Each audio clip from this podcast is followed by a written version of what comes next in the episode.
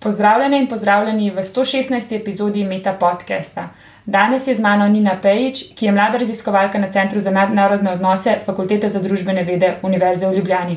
Živijo, Nina. Živijo, živijo. Um, za začetek, kot ponavadi, a mi lahko ti mogoče v parih povedih, parih minutah razložiš, kaj raziskuješ, čem se ukvarjaš, kaj te zanima. Jaz se ukvarjam v bistvu z mednarodnimi odnosi in sicer za nezahodno regijo vzhodne Azije, kar je predvsej precejšen odklon od tega, s čimer se ponovadi na centru ukvarjamo.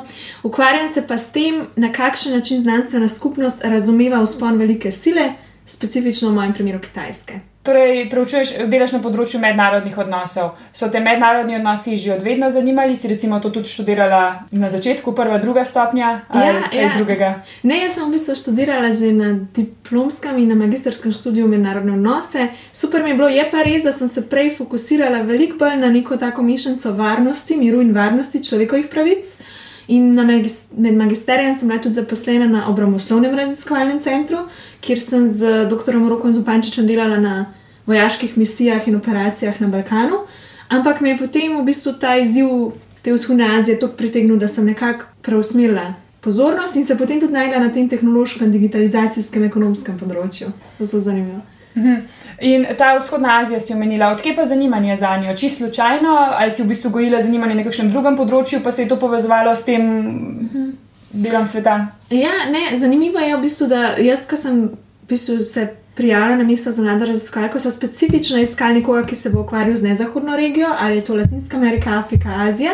In mene je Kitajska vlekla, oziroma cela vzhodna Azija, Japonska, Južna Koreja, tako Kitajska. Že odprej in sicer zaradi te pač enormne gospodarske rasti in tehnološkega razvoja, takrat smo začeli poslušati o credit score sistemu, vseh teh zadevah in to je bilo super zanimivo. Ne? In sem si rekla, zakaj ne. Sicer sem na začetku mislila, da bom spet delala nekaj, nekaj iz varnostnega vidika, nekaj v povezavi z mogoče rastjo vojske, s kibernetsko varnostjo, z vojaškimi operacijami, ampak me je zelo hitro obrnilo v drugo smer, no, sem sama pivotirala.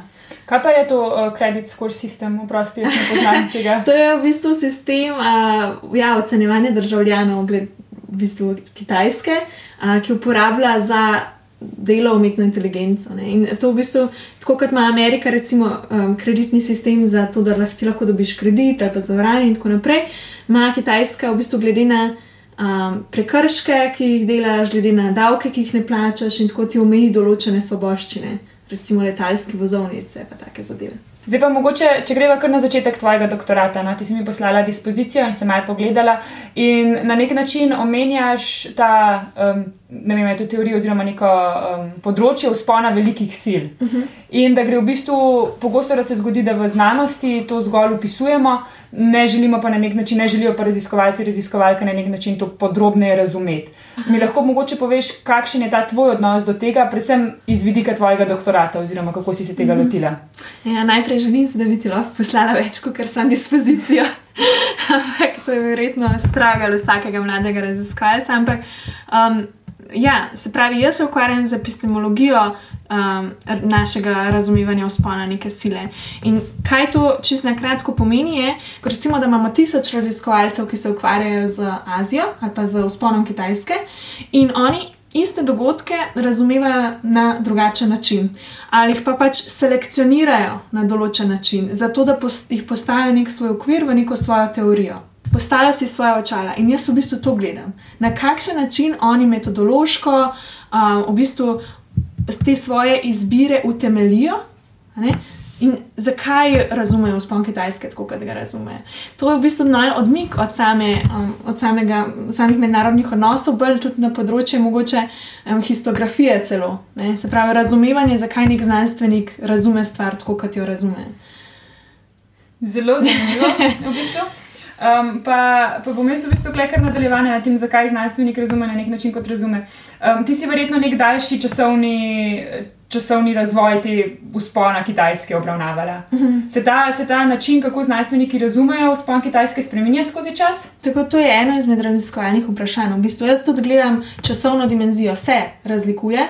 In zelo zanimivo je, da recimo v predhodnem uh, teoretičnem poglavju pa obravnavam v bistvu to raziskave, ki so že bile narejene na temo tega, kako so znanstveniki razumevali vzpon katere koli druge velike sile. Razumevali vzpon Amerike, recimo, ne konec 19. in 20. stoletja, imamo parne vlake čez Evropo in tako, pa hkrati modernizacijo na Zahodu.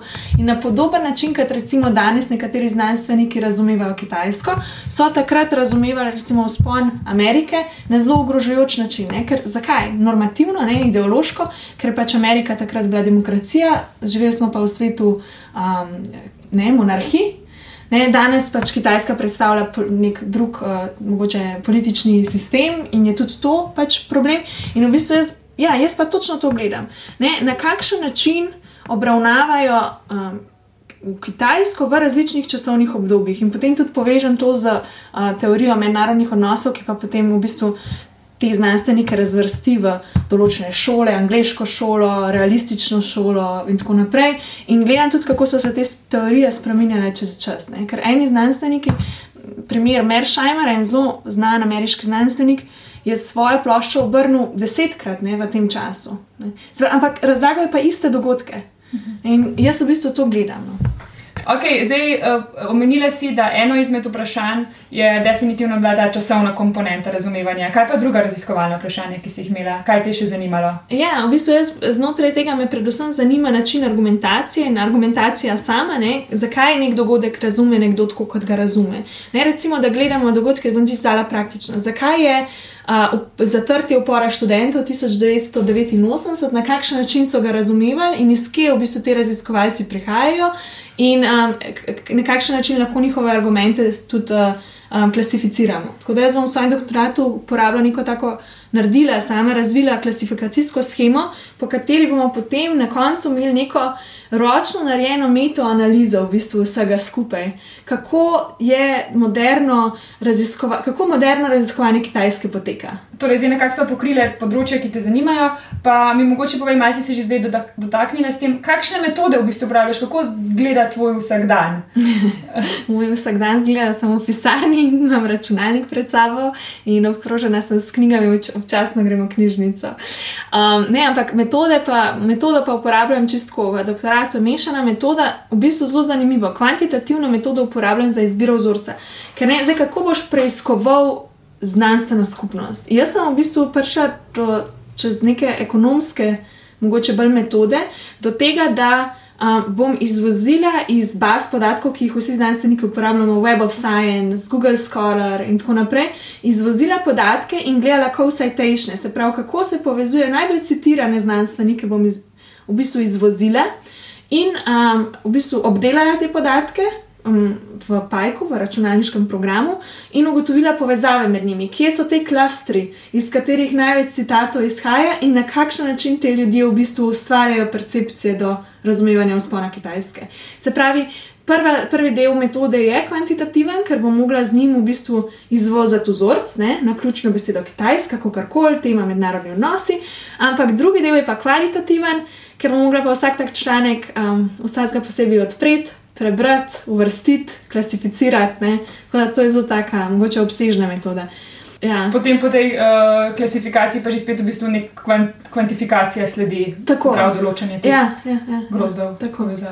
Okay. Zanimivo, ker velik zalogaj imam občutek, um, se mogoče pozna, se to čisto ja. Drugačno vprašanje. So recimo zdaj, ko je res Kitajska v sponu, veliko več znanstvenikov raziskovalcev se ukvarja s Kitajsko, kot recimo z razvojem v ZDA v Evropi, ali je to primerljiva količina, kako je slediti mm -hmm. vsem tem delom, ko predstavljam si, da jih je ogromno. Ja, ja, res jih je ogromno in veliko več jih je zdaj. Recimo, tudi če primerjam samo opazovanje Kitajske do 80-ih, pa po 80-ih po 80-ih. Ja. Uh, je, je zdaj veliko, v bistvu, je tega gradiva veliko več. Pa je tega zelo veliko, recimo v, v našem svetu, v torej, bom rekla, kar anglosaksonskem, yeah, ja, yeah. v na nek način v angleščini. Yeah. Kako pa lahko tudi slediš kakšne vire, ki izvirajo iz same Kitajske yeah. Ja. ali pa iz to ena, Azije? To je ena od omejitev mojega doktorata in sicer, da sem si izbrala za jezik angleščina, spravi jaz pišem sicer slovenščina, ampak delovni jezik, s katerim preučujem vire, je angleščina, zaradi tega, ker jaz sicer bi lahko delala še italijanščino, francoščino, nemščino ampak ne pa kitajščina, sem še bolj na začetku učenja, ruščine, ne, tako španščine, recimo tudi ne znam arabščine. Tako da jaz sem v bistvu zbrala, ne, zanimivo, za nekaj, kar sem želela, da je ne evropocentrično, sem zbrala zelo evropocentričen pristop. Zaradi tega, ker gledam, ja, res je. In pač to na koncu je treba to priznati. Ne? In jaz v bistvu gledam. Uh, ne, baze podatkov, ki so že de facto za privilegiran anglo anglosaksonski svet, ne? ker ti v ne, Journal of International Relations ne moreš priti če si dobil izobrazbo v Afriki, zelo težko, mm. zelo težko v Afriki, v Aziji, ne? a ker je tvoja angliščina ni tako native, ne? ker, uh, ker imaš slabši dostop do znanja, ker nimaš zakupljenih vseh žurnalov, pa ne citiraš pravih ljudi, ne priješ čez prvi proces. Ne? In v teh bazah podatkov se dejansko znajdejo, poleg nekih izjem, ačarija, ne vem, kaj so taki res mednarodni priznani uh, znanstveniki, ki pišejo angliščini že leta in so tudi šolani v tujini, ne najdeš dost tujih uh, znanstvenikov iz neanglosaksonskega sveta. Tako da to bom na koncu, smo se zmenili za doktorsko komisijo, nekako na koncu naredila to razpravo, v bistvu, mogoče kot dodatek. Um, bom pa postila to celo sfero, mogoče za postdoc ali pa znanstveni članek ali kaj takega. To je kar zanimivo, se mi zdi, tako področje iz vidika te privilegiranosti, v bistvu zahodne znanosti. Ja. Vsem ostalim, koliko stvari ne poznamo. To, ja, do tega je. sem se tudi jaz, uh, do, do, do, mislim, vsak pride prej, kasneje do tega. No. Tudi mogoče to področje odprte znanosti, za katero se zdaj zauzemamo, ali pa različni aktivisti, ki so pač. Ja. Osnovali to, so bili zelo pomembni v bistvu za neko v bistvu zdaj... raznoliko znanost. Res je. In jaz sem vse svoje članke, meni je to zelo pomembno. Ali zaradi tega, ker v bistvu jaz jih s svojim doktoratom, čeprav želim vključiti, ne, želim pokazati, na kakšen način poteka zahodno razumevanje tega vzhoda, ne, ker si želim prebiti to evropocentričnost, uporabljam točno tako, kot sem rekla, izključujoč pristop, ampak v svojih člankih je pa to res in se želim zauzemati za to tudi naprej, da sem do zdaj vse, kar sem objavljala, bilo open access in tudi knjiga. Ker sem, jo, ker sem predelala na Horizon 2020 projektu, knjiga, ki je šla iz tega z Rokom Zopančičem, je Open Access knjiga in je super. Mm. Ne, ampak grozno je, da moramo za to plačati 2 ure pa pol. Mm, ja, ja, se strinjam. Ampak mogoče bo ta uh, koronavirus v bistvu prinesel kar par revolucij, v tudi samo znanstveno objavljanje in vse stvari, glede na to, kar se sedaj dogaja s to Upa, hitrostjo. Ne. Pa pa je zdaj kar proti rezultatom. No, se verjetno imaš zgolj preliminarne neke občutke, kaj se dogaja, mogoče lahko kaj komentiraš, recimo, kaj si spoznala um, ja, mislim, v tem raziskovanju. Ja, ja dobro vprašanje. Um, v bistvu tako je. Eh, najboljši občutek imam še iz, v bistvu iz tega, da sem objavila znanstveni članek, kjer sem naredila na manjšem vzorcu, ne še na celotnem, to isto analizo. In sem klasificirala potem argumente v neke tri večje kategorije: vojaško-varnostne argumente, ekonomske, pa ideološko-normativne argumente. In tam se je izkazalo, da je deleč največji argument, s katerim se obravnava Azijo, vojaško-varnostni element kar je zelo zanimivo. Ker, ampak se opada s tem, da recimo je ta realistična teorija zelo prisotna. Realistična, mogoče, čist, da pojasnim, je pa, ne, da je v bistvu država v mednarodni skupnosti sama in se bori za svoj obstoj in je v anarhiji neki z drugimi državami, ne, v anarhičnem redu, kar pomeni, da nobena nima večje oblasti kot druga in vedno se bodo borile za svoj obstanek z vsemi sredstvi mogočimi. Ne. In se pravi, to je ena taka popularna teorija, zaradi tega, ker je fulga generalizira, ne, ful ne, ne upošteva nobenih razlik med državami, ne v razvoju, ne, zelo je taka nepodrobna ne, meni ni pri srcu, ampak je pa zelo prisotna med starejšimi znanstveniki zahodnega sveta. In to se še vedno danes pozna tudi pri citiranju. Ne? Okay, zanimivo. Kaj pa, glede na to, da sem videla, da si na parih dogodkih, pa tudi v enem podkastu, malo več o Kitajski govorila? Če mogoče za zaključek, zdaj samo še uh, na nek način bolj, uh, ne vem, kako bi temu rekla, aplikativno. Uh, Um, in ne greva toliko v samo yeah. Ja. epistemologijo znanosti in tega, kako nekaj spoznamo, oziroma kako preučujejo Kitajsko, se vprašajo, kaj pa, kaj pa so ti razlogi za uspon uh, Kitajske no? v tem zadnjem. Ja, ja, ja, um, ja, jaz se v bistvu zelo veliko ukvarjam, meni ne vem, zakaj me je to potegnilo ta ekonomski del, me je predvsem potegnila digitalizacija in vse to. In uh, razlogi za uspon Kitajske je reforma, konc, uh, se pravi začetek 80-ih, um, ko se je Kitajska začela za ekonomski vzpon Kitajske, ko se je Kitajska začela nekako um, ekonomsko odpirati preostalemu svetu.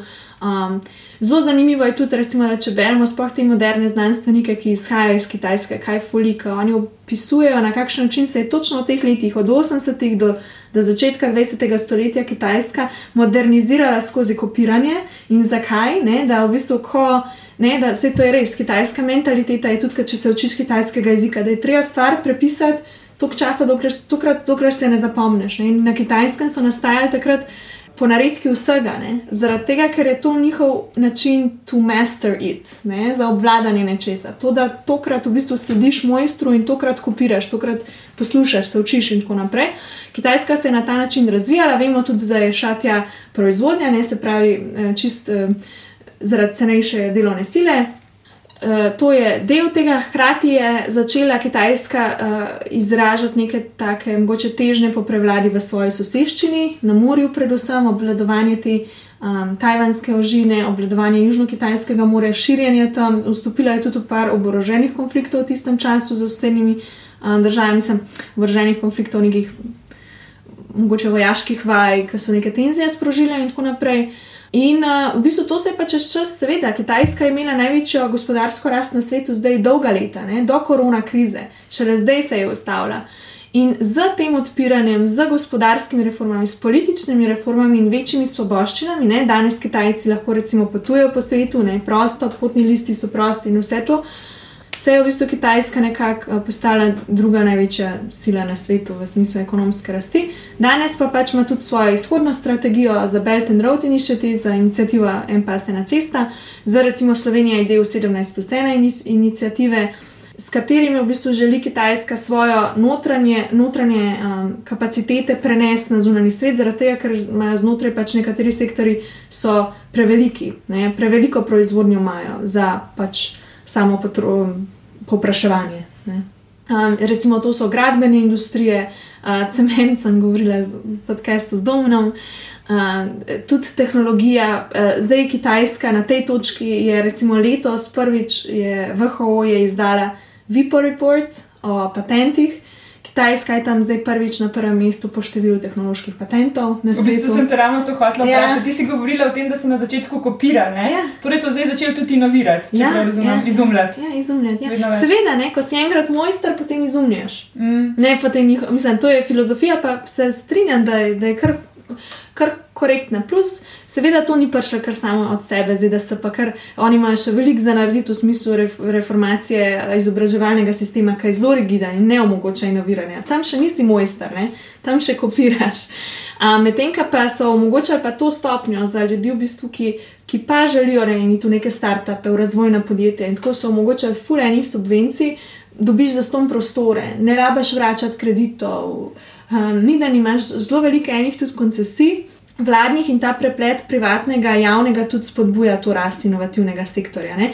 Recimo eno izmed enih največjih podjetij uh, v izobraževalnem sistemu ne, ima direktno povezavo z celotnim kitajskim izobraževalnim sistemom in zagotavlja pametne tehnologije za učenje. Um, kitajskih otrok v celi državi. Ne, seveda je to dobro za razvoj enega podjetja, ne, ta denar, ta influx denarja, ki ga dobiva.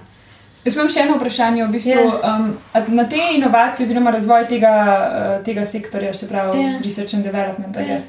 um, a ima to tudi kakšen vpliv, da se zelo veliko Kitajcev, Kitajk hodi v tujino izobraževati, se pravi v Ameriko, v Evropo in potem prinašajo nazaj ta znanja, ker mogoče mm -hmm. na mhm. svetu vse nas bolj vodi v to, da bi bili neki inovatori. Kot, uh mhm. -huh. nismo, ni, se ne učimo samo prek kopiranja. Ja. Ali ima to nek vpliv na to? Ja, seveda ima. Ja. Ja, tako so se razvila ta prva znanja. Če, če dam mojo disciplino, na, za primer, mednarodni odnosi, pa ni to RD, ampak zato sem lahko zelo sigurna, kaj povem. Mednarodni odnosi niso ostajali, do 80-ih niso obstajali kot predmet, kot fakulteta v šoli, ne? kot fakulteta v izobraževalnem sistemu, univerza, kako koli. In v bistvu so se, se pravi, šele z prihodom tujih znanj ne, se pravi, ljudi, ki so se šolali v Angliji, na LSE-ju, na Berkeleyju in tako naprej v Ameriki. A, s, oni so prenesli tuje znanje in takrat so se oni nehali učiti Lenina, Marksa, pa Mavata. Malo to teorijo. Ne? Se pravi, to je, mislim, to je en tak klasičen primer tega. Ne? Do 80-ih v bistvu tega ni bilo, tega razvoja znanosti. Moram pa reči, da ni pa tako na vseh področjih. Znanstv, kitajska znanstvenica je razvila zdravilo za malarijo med hladno vojno, se pravi pred tem časom. Tako da um, nekatera področja, ki so bila vitalna za življenje te države, pa za zdravje državljanov, so se, po mojem, razvijala, so se razvijala, no, nekatera, ki so bila pa manj. Pomembna, recimo, upetost države v mednarodni svet, pa povezovanje z drugimi državami, so bila pa manj razvita do 80-ih in šele s časoma se je to razvijalo. In to, da so v bistvu ti ljudje prišli iz tujine nazaj, je, um, jim je prihranil velik dela. Zdaj smo pa pri zadnjem delu vprašanj in sicer ali se spomniš kakšne zabavne ali zanimive anekdote povezane s svojim mentorjem ali pa morda kakšne nenavadne, smešne anekdote, ki se je zgodila tekom tvojega raziskovalnega dela v sklopu doktorata. Hm. Ja, mogoče bi šla čisto na to, kako se je moja tema. Jaz sem najprej eno leto tavala in nisem vedela, vedela sem, kaj bi raziskovala, ampak nisem vedela, kaj točno znotraj tega bi raziskovala. Dokler se nisem enega dneva tukaj na polno skregala z mentorjem v pisarni, glede tega, kaj mi da mislila, kakšni bodo plani Kitajske v naslednjih desetih letih. Pravi znanstveni tak kleš. In jaz sem rekla, čakaj, to je moj problem. To je moj problem, da mi dva o isti stvari razmišljava drugače. Zakaj? Zakaj, iskaj, iskaj, zakaj ima on drugačen pogled, iste stvari pogleda in vidi čist nekaj drugega kot jaz. In uh, kaj, kaj on potem uporablja za to, da strukturira svoj odgovor, pa, pač, da se prepira recimo, z nekom o tem na konferenci ali pa več v pisarni. Ne? In isto jaz. In to, to se mi zdi taka stvar, ki me je v bistvu pripeljala do tega, da ta tema me pa zdaj res pritegne in res zanima. Kako so se od opisa do danes spremenila tvoja pričakovanja glede doktorskega študija in ali bi se ponovno odločila za doktorski študij? Ja, jaz eh, pričakovanja so se mi spremenila in sicer sem pričakovala, da bo lažje pisati. Jaz ful berem, pa ful spremljam, pa ful sodelujem v pogovorih, hodim na okrogle mize, meni je to res zanimivo. Pa, kar se je treba vse zdolj pa pisati, to mi pa ni tako zanimivo. Tako da to se je spremenil. Pa definitivno uh, se je spremenil pa to, da me je bolj navdušila tematika, kot sem pričakovala in zdaj veliko razmišljam o tem. Tega nisem pričakovala, da bom kdaj pod tušom zjutraj in bom pač razmišljala o kitajski. Pač to, to je res uh, nepričakovano, da me lahko nekaj tako potegne in da v bistvu sem zelo presenečena vsakeč, ko ugotovim, da je naša služba to, da. Da vemo stvari, da študiramo, ne, da imamo znanje, da ga podajemo naprej. To je tako, tako res privilegij. Hkrati pa, če bi se ponovno odločila, jaz sem takrat, ko se spomnim, sem imela tri ponudbe za službo in daj se zdaj, kdaj spomnim, kako je bilo, če bi delala vem, na ministrstvu za obrambo ali pa če bi delala z, ne vem, z bivšim mentorjem ne, ali pa če bi delala nekaj, ki se je zdaj usmeril v področje nekaj takega prepleta obrambosloja in neuroznanosti in je ful inovativen na svojem področju in me to tudi ful pretegne. Ne. Tako da jaz velikrat razmišljam o tem, če bi se ponovno odločila in nisem prepričana. Mogoče takrat, če bi me, ne vem, na kakšen drugi dan poklical, se pa ne bi. Mm. Ne. In bi imel še drugo temo. Ja. Ja. Ja. Če bi imela priliko iti na kavo s predsednikom vlade, kaj bi mu predlagala, da izboljša na področju znanosti? Ja, uh, mislim, vsaj za MR je, no pa tudi za ostale, ne, te materialne pogoje za delo. Ne, dejstvo, da In rabaš imeti svojo, rabaš imeti pisarno, recimo, rabaš imeti delovno mesto. V sosednji pisarni imamo tri moreje. Jaz, ko sem prišla, mi je dal mentor, takrat je bil na Tajvanu pol leta, na, najprej nalogo, da ne počistim to pisarno, vse to, da mi je lahko noter sedela. Jaz si jo pač delim z mentorjem in to ni vedno najboljše za delo, pa to tudi on ve. No.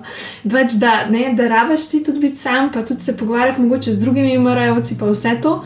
Ka eno je izboljšanje materialnih sredstev, plus zdi se mi grozen, da ti v bistvu štiri leta delaš za, za nestimulativno plačilo. Ne. V bistvu šolaš se kaj 21 let, koliko.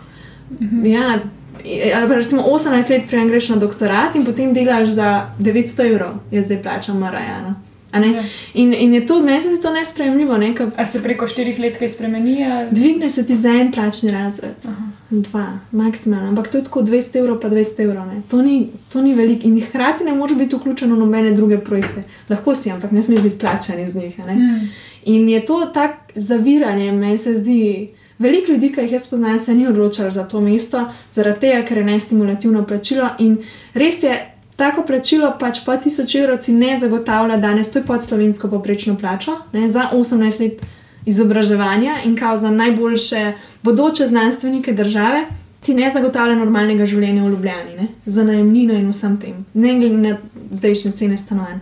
Tako da to je bila ena stvar, hkrati pa se mi je zdel, um, Ja, mogoče bi bila dobra ta stvar um, no, na tak način, kot si jo ti, ti izkusila. Ne? Da nam je mogoče, to je od sodelavca ideja, sva se zadnjič pogovarjala pri kosilu o tem, da recimo zdaj težko najde država ekonomiste, ki bi prevzeli določene ekonomske oddelke, recimo v državi.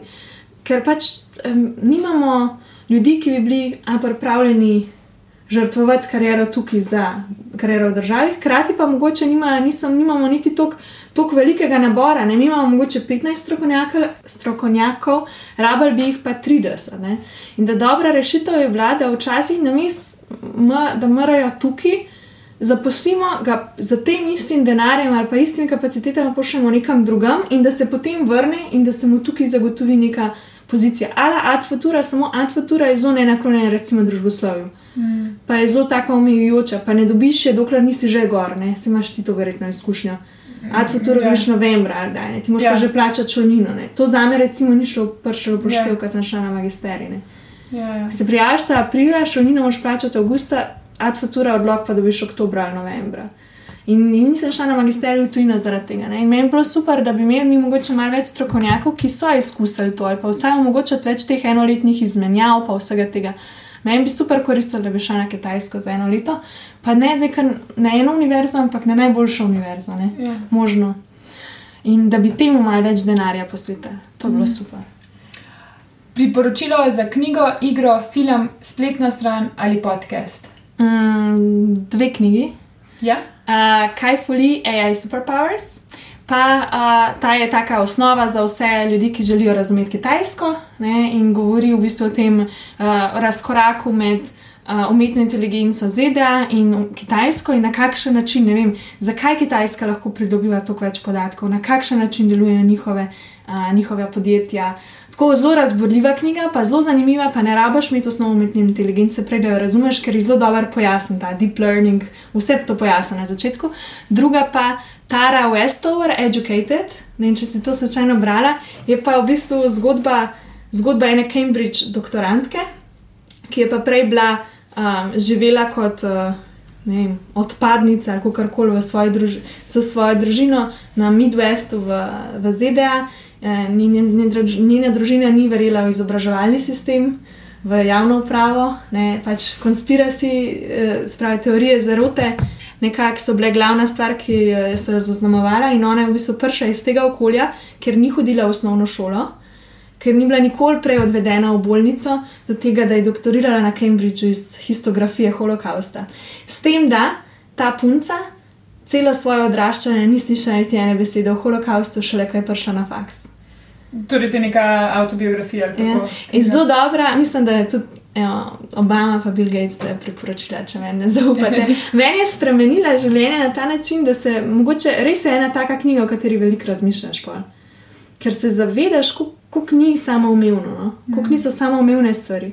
Plus, ona ima tako zanimivo tematiko, ki je tudi meni blizu. Ne? Zakaj razumemo tako, kar razumemo? No? Mhm. Zanimivo, nisem poznala te ja. knjige. Eh, koga od nam znanih ali neznanih bi povabila na večerjo, če ne bi bilo nobenih omejitev? V tem trenutku Scotta Gallowaya, NYU School of Business, Stern School of Business.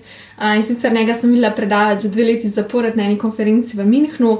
On je kulten, kar se tiče kako predava. On je popoln pedagog, kar se mene tiče. Je, jaz mislim, da imamo super znanstvenike in fulj velik znanstvenikov, ki so res dobri, ki pač pišejo dobre papere in vse to, ampak podajanje znanja študentov je pa mislim, da on meni tak svetovni zgled in to bi tudi jaz rada postala. Pač, če bom ostala v akademiji, bi rada bila Scott Galloway iz svojega področja in njega bi povabila na večer, da me tega nauči. okay.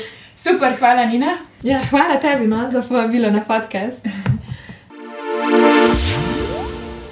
Poslušali ste Meta podcast, v katerem se pogovarjamo z mladimi znanstveniki in znanstvenicami z različnih področji znanosti.